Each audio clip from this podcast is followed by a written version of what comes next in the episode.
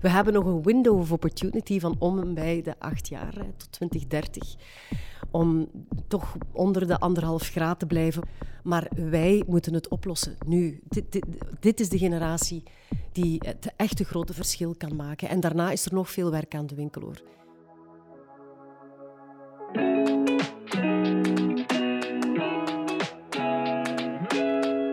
Dit is Wat je nog niet wist over.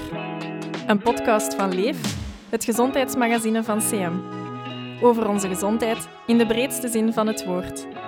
Gezondheid houdt ons allemaal bezig. Maar soms lijkt het alsof je er helemaal alleen voor staat. Voor de zorg voor iemand anders, maar ook die voor jezelf. En dat willen we bespreekbaar maken. Ik ben Stefanie, ik werk bij CM en ik praat met bekende Vlamingen over de uitdagingen op hun pad en hoe zij proberen om gezond te blijven. In deze aflevering wat je nog niet wist over. Francesca Lantiele. Dag Francesca. Hallo. Hoe gaat het met u? Heel goed, dank je. De meeste mensen kennen je ongetwijfeld als tv-gezicht van vroeger, uh, maar vertel eens, waar ben je vandaag zoal mee bezig? Ik uh, werk nu als journalist bij Kanaal Z. Uh, ik uh, doe er af en toe het nieuws. Ik presenteer er ook Trendstalk, dat is een weekendprogramma op Kanaal Z in samenwerking met het magazine Trends. En voor de rest werk ik heel veel voor bedrijven, debatten modereren, awards uitreiken. We gaan het vandaag vooral hebben over klimaatverandering en de impact daarvan op ons welzijn. voor we beginnen, misschien eens kort herhalen wat gebeurt er precies? Hè? De aarde wordt warmer en warmer. Wat houdt dat precies in?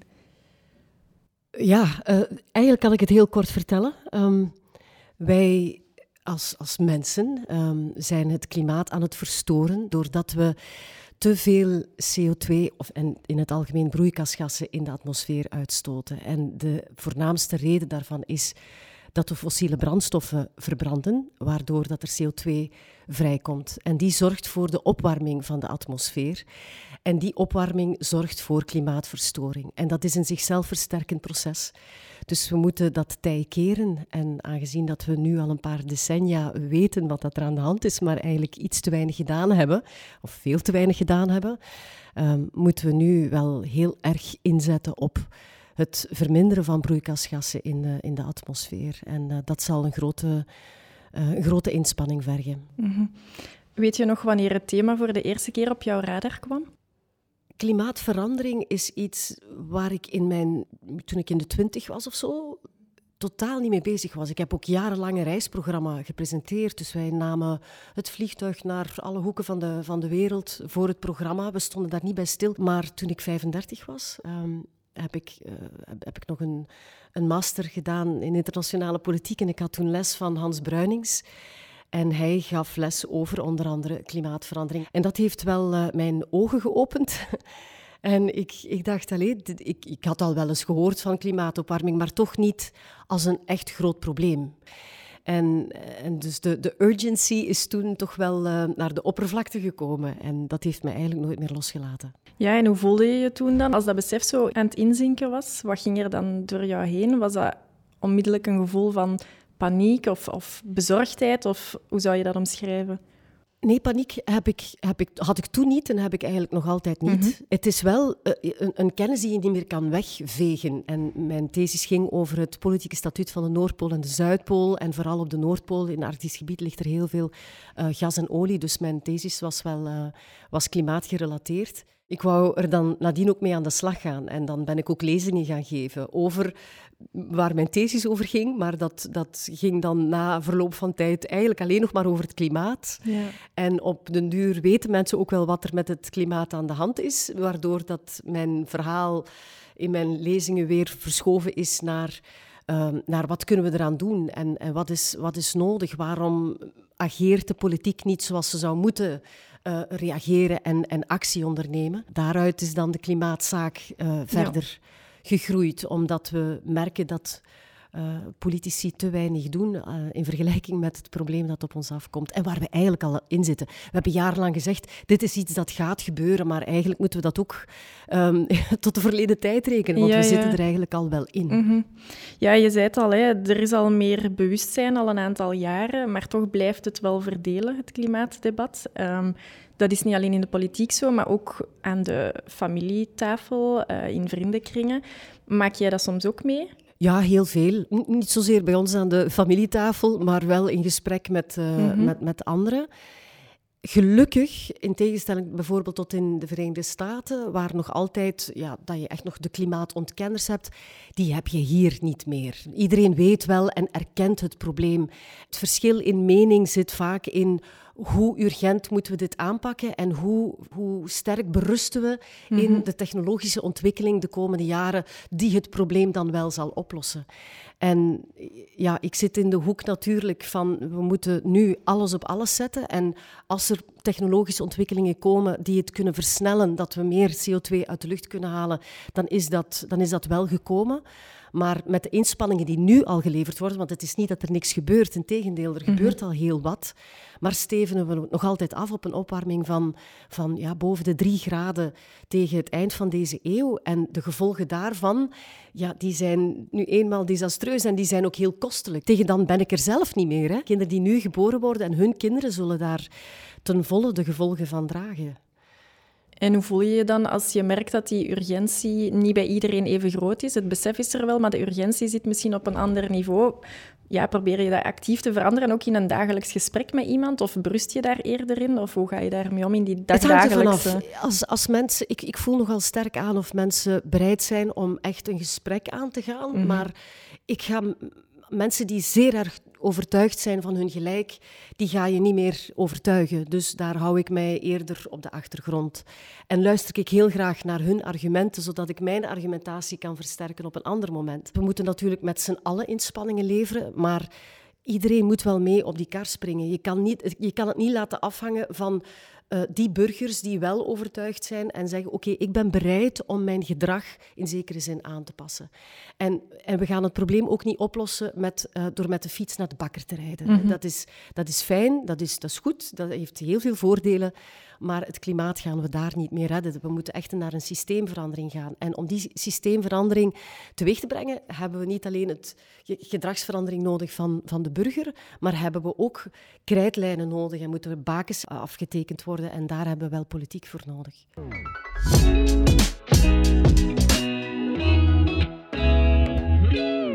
Begrijp je dat sommige mensen ja, bang zijn voor verandering? Dat dat iets is dat in de aard ligt van mensen als ze dan denken van ja, wat gaan we dan misschien allemaal moeten laten of wat gaan we dan misschien allemaal anders moeten doen? Ik begrijp heel goed dat, dat mensen daar schrik voor hebben. En er wordt heel vaak ook misschien wel verkeerd uitgelegd. Er wordt hen iets afgepakt. Er wordt weinig benadrukt van wat gaan we erbij winnen. Mm en er zijn heel veel voordelen. Hè. Ehm, de luchtkwaliteit, rust in een stad tijdens corona, hebben we ineens gemerkt van hoe aangenaam een rustige stad kan zijn met mhm. veel minder verkeer. Ja. Als je kijkt naar gedragsverandering, weet je nog wat jij als eerste hebt aangepast in, in je gedrag? Ja, dat is eigenlijk moeilijk om te zeggen. Ik mhm. ben niet uit een les gekomen van Hans Bruinings en gezegd, en nu ga ik mijn leven veranderen. Dus mhm. dat is, dat is iets dat, dat doorcijpelt, iets waar dat je maanden mee bezig bent en, en dat, dat ja, eigenlijk je niet meer loslaat. Maar ja, de basiskennis weten we ondertussen. Hè. We moeten gewoon zorgen dat wat we doen, wat we kopen, want het heeft ook te maken met ons koopgedrag. Ehm, is dit echt nodig? Is dit nuttig? En wat is de impact van dit gedrag? Mhm. Ehm, en dat kan gaan over een reis die je boekt, over een t-shirt die je koopt, over het eten in de supermarkt dat je koopt. Eh, dus het gaat echt wel ook over de dingen die je dagelijks doet, maar ook af en toe maar eens in een jaar. Ja. En je kan het ook wel een beetje afwegen tegen, tegen elkaar. En de makkelijkste benadering is de economische benadering. We maken dingen die slecht zijn duurder. Hè? Die, die vervuilend mhm. zijn, maken we duurder.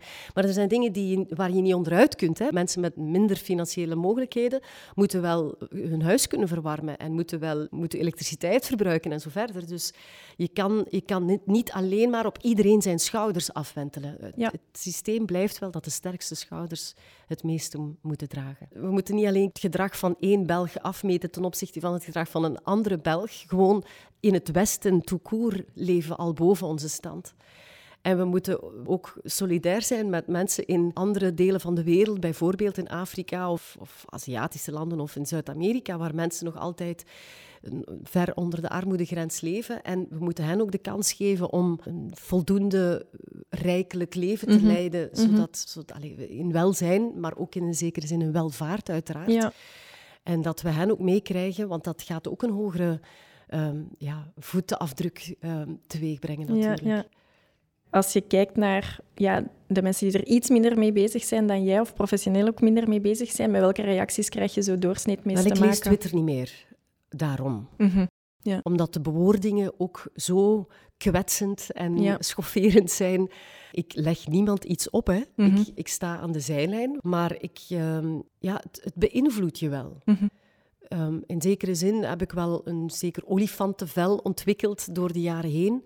En vroeger werd er ook wel eens iets gezegd, maar dan werd het nog gezegd. Nu, nu, en er zijn blijkbaar ook geen, geen grenzen meer, omdat je toch maar neertikt op een, uh, op een gsm en op post duwt en het verschijnt en iedereen kan het lezen.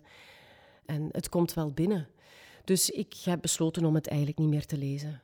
Ja. Verlies je wel eens de moed dan bij momenten? Kort, kort wel. Als, ik het le als er dan toch iets mijn, mijn, mijn pad kruist, dan denk ik, oh, laat het uit. Echt mhm. waar. Ik kruip op mijn fiets en ik, en ik, en ik doe mijn toerke en... Of ik ga lopen, of, of allez, sporten is voor mij nogal een uitlaatklep. En laat me gewoon gerust. Weet je, we, zullen het allemaal wel merken. We zitten allemaal op hetzelfde schip en we gaan allemaal samen in dezelfde richting. Ja. En de ene wat trager dan de andere. Um, en ja, je, meldt maar iets dat, dat er aan het gebeuren is. Mhm, hè? Dus mhm. dit, dit, is geen religie of zo. En sommige mensen ja, beschouwen dat nog altijd als een overtuiging. Dit is geen mening of zo. Dit is wetenschap. Uh, Francesca, we vragen ook telkens aan een luisteraar uh, hoe die omgaat met een uh, gelijkaardige situatie. Dit keer is dat Bart en hij heeft het over ja, hoe we voor de klimaatcrisis eigenlijk geen vaccin hebben. Ik ben Bart van Geel. Ik ben 57 jaar oud, ik woon in Mechelen en mijn beroep is IT-consultant. Ik ben opgegroeid in een wetenschappelijk nest en van daaruit toch altijd een beetje gewezen op uh, dat niet alles zomaar gratis komt. En dat je, als je neemt van de natuur, dat je ook moet teruggeven aan de natuur. Ik ben zeer actief in de klimaatbeweging. Bij de verschillende marsen van de jongeren ben ik meegegaan als steward. En de urgentie is daar. Hè. We spreken niet meer van een klimaatverandering. We moeten echt spreken van een klimaatcrisis. Zeker als je ziet wat er allemaal rondom ons gebeurt, ook in Vlaanderen en ook in Wallonië. Maar het is heel frustrerend om, uh, om te zien dat we spreken over een coronacrisis. Maar de klimaatcrisis is veel ernstiger dan de coronacrisis. Hè. Tegen de klimaatcrisis hebben we geen vaccin. Als ik dan rondom mij kijk, dan is er volgens mij veel te weinig paniek. Zie ik veel te weinig mensen die, die bezig zijn met het oplossen van die crisis. Als ik denk aan mijn kinderen en eventuele kleinkinderen, dan is daar, ja, dat is ook nu wel niet angst, maar toch een grote bezorgdheid. Want zij gaan de echte en vaste gevolgen beginnen voelen.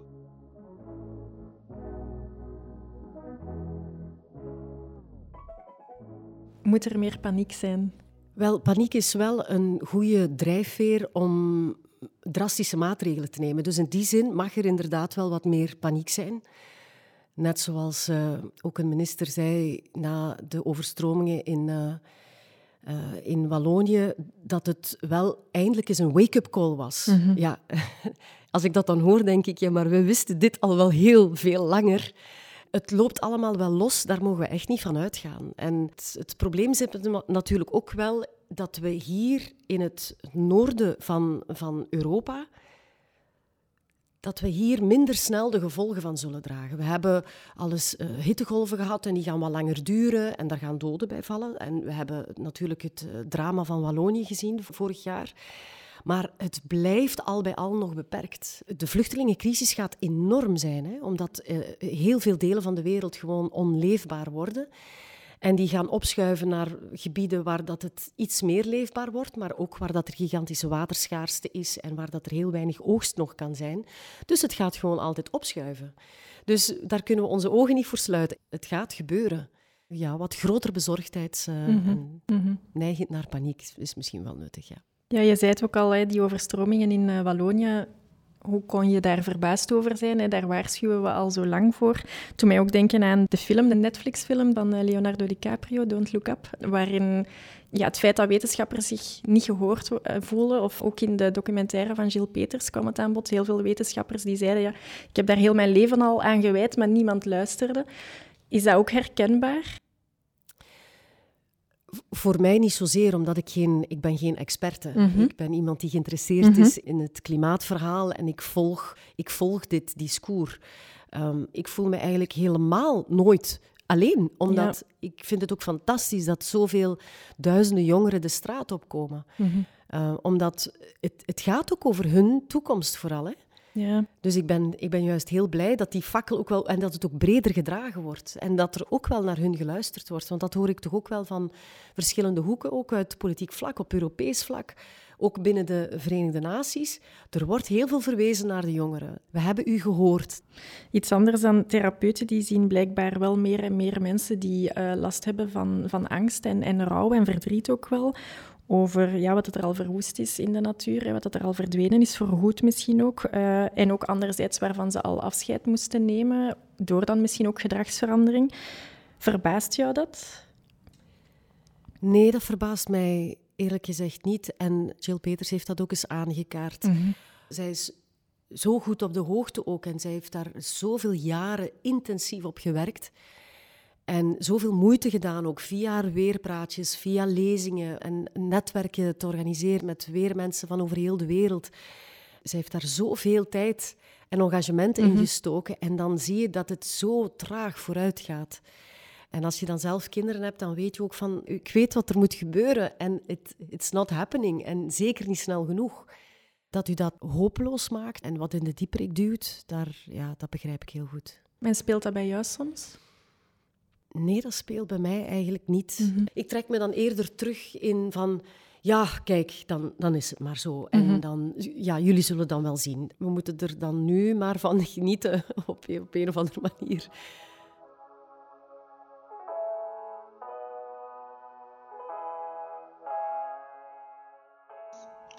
Als ik in de natuur ga wandelen en als ik zie dat de, dat, dat de natuur er nog steeds is. Waar ik ook wel heel blij van werd was het, en wordt, is het enthousiasme bij de jongeren. Hè? Bij de jongeren die toch, uh, die toch op straat komen, die toch, uh, die toch actief zijn. Wat ik momenteel zie, en dat heb ik ook gemerkt in het samenwerken met de jongeren, er is weinig toekomstperspectief.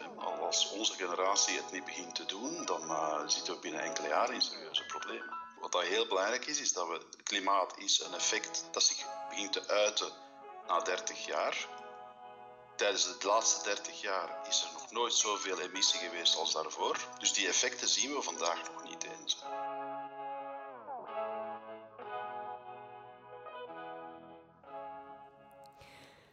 Ja, wat ik zo ongelooflijk vond, is dat een aantal mensen hebben gezegd bij de demonstraties van de, van de jongeren Um, dat spijbelen dat moet stoppen. Ze moeten gewoon studeren, hard studeren, als ze later experts worden, om dan nieuwe dingen te ontwikkelen die mhm. dan het klimaatprobleem gaan aanpakken en hun bijdrage dan leveren. En dan denk ik, jullie weten echt niet wat het echte probleem is. Elke tien van een graad, zeg experts, doen er nu toe. Hè. En eh, dus die, die, die jongeren die nu spijbelen, die 16, 17 jaar zijn, eer dat die uh, afgestudeerd zijn en eer dat die effectief op een job zitten waarin dat ze echt het verschil kunnen maken, hè, want je hebt dan nog een leerproces, ja, dan, dan is onze window of opportunity al voorbij. Ik denk dat de bijdrage van die jongeren absoluut heel belangrijk is als signaal. Maar wij moeten het oplossen nu. Begrijp je dat mensen die op de barricades gaan staan, dat, die, ja, dat het soms ook waken is over een evenwicht tussen um, ja, altijd heel actief en alles van jezelf geven voor een bepaald thema, in dit geval dan het klimaat. Um, ja, dat je daar ook soms voldoende rust moet inbouwen voor jezelf, omdat het niet te veel wordt? Ja, ik heb niet het gevoel dat ik de hele dag met klimaat bezig ben. Wat, wat mij ook wel stimuleert en net energie geeft, is het feit dat ik ook op Kanaal Z werk en dat uh, we in ons nieuws eigenlijk heel veel klimaatgerelateerde onderwerpen brengen. En dat is niet dat we daar echt op zoek naar gaan, die komen gewoon op ons af, omdat heel veel bedrijven veel inspanningen leveren om hun uh, proces te verbeteren. Dus ik kom ook wel in contact met positieve zaken en dingen die, die wel zorgen dat er verbetering is in de mhm. toekomst. Dus dat houdt het allemaal wel wat in evenwicht. Dus het is niet alleen maar ehm, het drama dat op ons afkomt. Er Mhm. worden wel degelijk maatregelen genomen. Er worden inspanningen geleverd. Ja, Bart kaartte het ook al aan. Ja, ik ga vaak wandelen in de natuur, want dan stelt mij dat gerust. Dan zie ik van, ja, oké, dat is er nog. Er is nog veel natuur rond mij. Mijn vriend is ehm, actief bij Natuurpunt. Mhm. En wij wandelen ook heel veel. En hij ziet heel weinig natuur. Ja, Hij zegt, ik zeg, amai, het is hier mooi. En, en, en, en, ja, en dan lopen wij een landbouwgebied en dan zegt hij, die grond is dood. ja. Daar is geen leven op. Mhm, Daar is geen mhm. bijtje, geen vlindertje. Daar groeit iets, Mhm. inderdaad, door de bemesting en zo. Maar die grond le- leeft niet. En, en we komen natuurlijk ook wel, want we zoeken de plaatsen op waar dat er natuurlijk wel mooie natuur is, want daar geniet hij ook enorm van. En er is er nog heel veel. ja. Maar soms verwarren we ook wel wat groen is met natuur.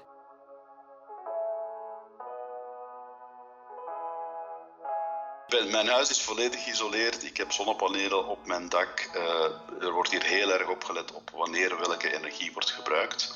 Ik doe heel veel met de fiets. Ik wandel heel veel. Ik gebruik altijd, praktisch altijd het openbaar vervoer. Er zijn voldoende winkels waar je verpakkingsvrij kunt gaan kopen. Dat zijn de dingen die, we- die ik actief doe. Maar ik denk dat de overheid een enorm belangrijke rol te spelen heeft. Eh, Als je bekijkt hoe weinig huizen op een goede manier zijn geïsoleerd in, in ons land, dan is dat echt ja, een schande. Want het is daar dat de energie enorm verloren gaat. En eigenlijk geldt hetzelfde voor bedrijven. Hè. Bedrijven kunnen ook veel beter eh, leren omgaan met hun energie. Educatie is de basis van cultuurverandering. Daar geloof ik heel sterk in. Maar op een constructieve manier, niet op een verwijdende manier. Van "J- jij bent schuldig aan deze klimaatcrisis. Mensen die er niks aan doen, dat zijn voor mij absoluut geen egoïsten. Meestal denk ik dat mensen die er niks aan doen vandaag niet genoeg beseffen hoe ernstig dat de situatie is. En dat heeft niks te maken met egoïsme. Ik heb er ook een hekel aan om mensen te beoordelen. Heel veel van die zaken komen uit een gebrek aan kennis en een gebrek aan educatie.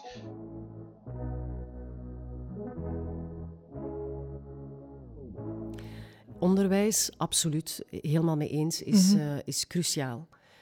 Ehm, en wat hij ook wel zegt, ik wil andere mensen niet veroordelen, vind ik ook wel een mooie. Mhm. Omdat ik, dat is negatieve energie en daar wil ik mijn tijd niet in steken. En ook mijn energie niet in steken. Ik wil, Ja. ik, ik wil verder leven met positieve energie. Ook al weet ik dat, eh, dat er een probleem is en heb ik min of meer een idee welke richting dat we moeten uitgaan als maatschappij. En hij somt ook een aantal dingen op die hij nu al doet. En inderdaad, heel wat mensen hebben nog niet helemaal door wat hun individuele impact is. Omdat, ja, wat gaat het voor mij nu uitmaken dat ik toch wel dat of dat koop en dat, het, dat dit nu van de andere kant van de wereld komt. Of dat ik altijd mijn auto neem. En er wordt heel vaak gekeken, ja, maar China, dat is de grote vervuiler.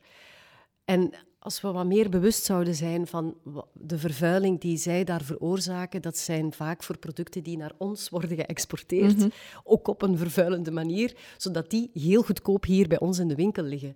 En dat zijn, die keten, dat is natuurlijk niet zo eenvoudig uit te leggen. Hè. En ik denk dat daar wel onderwijs een, een heel belangrijke rol in kan spelen. Dat we, net zoals we wiskunde en biologie en fysica, dat we die complexiteit ook wel wat meer vatten. Jij stond mee aan de wieg van eh, VZ2 Klimaatzaak. Eh, ja, jullie willen de Belgische overheden eigenlijk eh, ja, alert maken voor hun internationale klimaatbeloftes. Ze zijn al veroordeeld. Voor de rechtbank, Ja. voilà. Ze zijn inderdaad... jullie hebben gelijk gekregen. Ja. Welk gevoel hield je daaraan over? Mixed feelings. Mhm. Mixed feelings omdat we in zekere zin hebben gewonnen, Mhm. maar eigenlijk ook wel hebben verloren. En daarom dat we ook in beroep zijn gegaan. Dus nu is de overheid eh, veroordeeld voor het niet naleven van een zorgplicht Mhm. en het schenden van de mensenrechten, Mhm. wat we heel vaak verwijten naar een land heel ver weg van hier, van schandalig, landen die, en dictators en landen die de mensenrechten schenden, wij zijn daarvoor veroordeeld. En er gebeurt niets. Er is niet een, een soort van crisisberaad gekomen. Oké, we zijn hier veroordeeld. Hoe gaan we hier naar handelen? Is wel gebeurd in Nederland, is wel gebeurd in Duitsland. De overheid negeert gewoon een uitspraak van een rechter. Het positieve nieuws is, het- het Hof van Beroep heeft nu beslist om ons dossier voorrang te geven. Ze hebben nu al pleitdagen voor september volgend jaar. Wat wat eigenlijk bijzonder snel is. Wat verwacht je daar dan van? Het is geen symbolische Mhm. rechtszaak. Ja. Dat, we, dat was bij de klimaatzaak Mhm. ook niet. Eh, Mhm. De toenmalige minister van, eh, van Leefmilieu, Joke Schouwvliegen, die heeft in het begin ook zo van, wel sympathiek zo, die bekende Vlamingen die zo even zich willen laten gelden. Ja. En ze had de ernst van de zaak niet door, totdat een paar maanden later de Nederlandse overheid werd veroordeeld. En toen is er actie gekomen. Toen is er paniek geweest. Eh, je hebt ook een tijd voor UNIA gewerkt, als ik mij niet vergis, het eh, Ja, ja. vroegere Centrum voor eh, Gelijke Kansen en Racismebestrijding. En in een interview daarover zei je dat rechtvaardigheid je altijd heeft beziggehouden, van thuis uit al. Wat bedoel je daar precies mee? Wel, mijn vader is econoom Mhm. en mijn moeder gaf les aan eh, de sociale hogeschool in Geel, aan sociale assistenten in Wording. Dus ik ben opgegroeid met zeer boeiende discussies aan de tafel. ja, ik heb het met de paplepel meegekregen om verschillende standpunten te horen, om te luisteren naar elkaar. Mhm. En ja, rechtvaardigheid eh, is, is, is een thema dat altijd wel ergens in het midden ligt. Hè? Mhm. Van, vanuit economisch standpunt is, eh, hè, heb je bijvoorbeeld vraag en aanbod. Hè? Dus de prijs zal het wel bepalen, de markt gaat het... En terwijl mijn moeder dan, ja, maar we moeten, we moeten bijsturen, want de markt is niet altijd heel goed en, en, eh, en, en feilloos en zo verder. Dus dat, dat, dat strijdveld, dat heb ik wel heel, eh, heel fijn ervaren in mijn, in mijn jeugd. En rechtvaardigheid is, is, is niet iets dat een gegeven is. Daar moet je voor werken en daar moet je voor strijden. Mhm.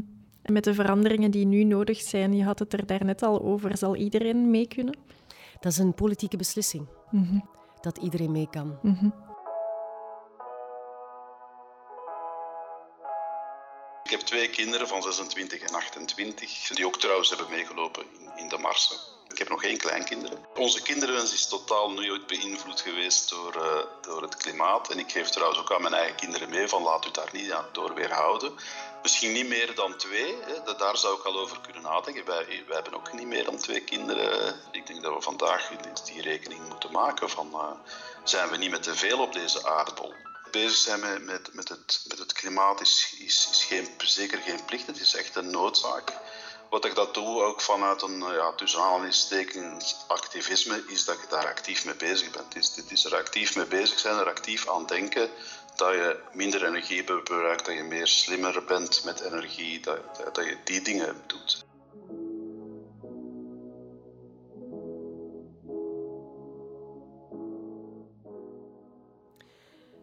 Ja, het thema van de overbevolking van onze aardbol, dat, dat is een complexe discussie die ons ver gaat, gaat leiden.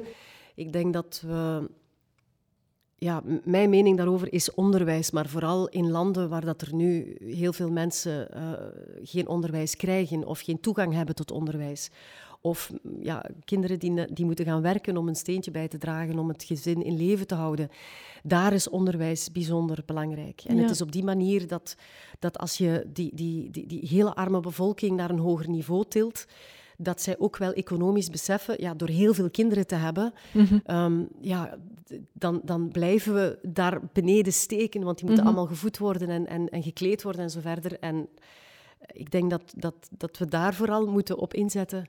En of dat we hier dan twee of drie kinderen hebben, ik denk niet dat dat zo het hele grote Ja. verschil gaat zijn. En ik merk vooral nu, en ik vind het ook wel wat verontrustend, dat ik een aantal jonge, maar echt zeer jonge mensen, die, die nog niet aan kinderen toe zijn, maar die eigenlijk nu al zeggen, ik ga later toch niet voor kinderen gaan. En dan denk ik, wauw, dat in mijn tijd heb ik dat mijn leeftijdsgenoten niet horen zeggen. Die zeggen, ah, we weten dat nog niet.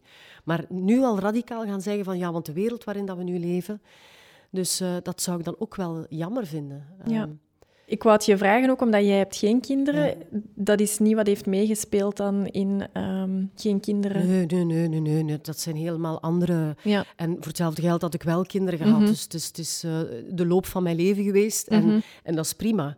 Ehm, maar ja, ik heb, ik, ik heb nooit uit klimaatoverwegingen Ja, geen kinderen willen hebben. Nee. Wat hoop je of wens je nog voor jezelf in de toekomst? Ehm, dus voor jou, maar ook voor de planeet. Oh, dat, die, die wishlist is heel lang. Ja. ah ja, als ik, als ik, het, als ik echt een, een, een wens kan doen. Ja, misschien wat Bart ook zei. Meer collectief bewustzijn Mhm. van wat er aan de hand is. Zonder ehm, te gaan panikeren, want daar hebben we ook over gesproken in deze podcast. Maar wel dat ons aanzet tot, ehm, eh, tot, tot collectief handelen.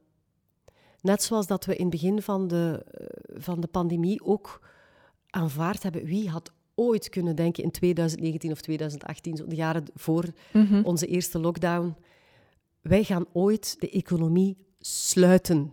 Ja. Wij gaan bedrijven dicht doen, we gaan mensen verbieden om met de auto van A naar B te gaan. We mogen geen mensen uitnodigen. Dat hadden we dat 99,9% gezegd. Nee, dat, dat, dat, dat, Dat gaat kan nooit. Dat, dat, dat lukt een overheid nooit. Ja. En we Mhm. hebben het toch gedaan. Mhm.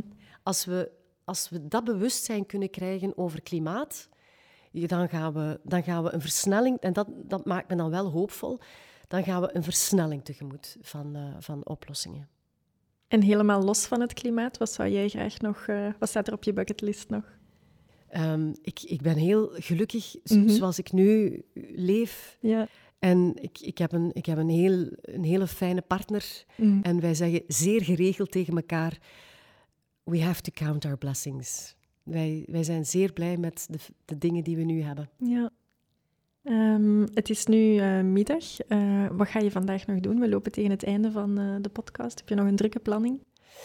Wel ja, ik, vanavond is er een, een fundraising Uh-huh. van eh, de Najmi Foundation, van Mhm. dokter Nasser Najmi. Hij eh, opereert kinderen met shizis. En hij wil een tweede centrum openen in Iran om eh, kinderen met een, ja, een gespleten hemelte, is dat, hè, shizis, ehm, om, om hen een operatie te kunnen aanbieden Mhm. die de ouders niet kunnen betalen. Mhm. Dus vanavond presenteer ik Ja. het, het gala, want Ja, het is wel een, een, mooie, een mooie avond gaat het worden. Dit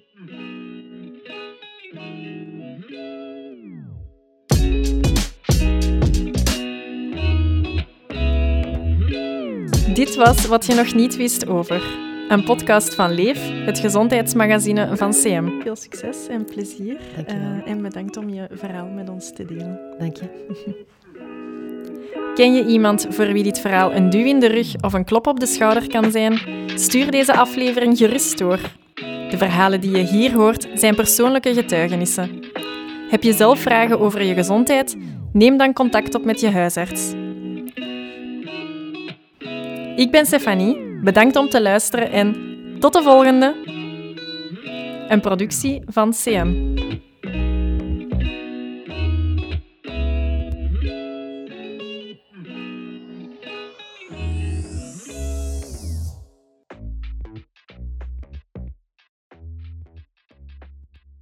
CM, jouw gezondheidsfonds.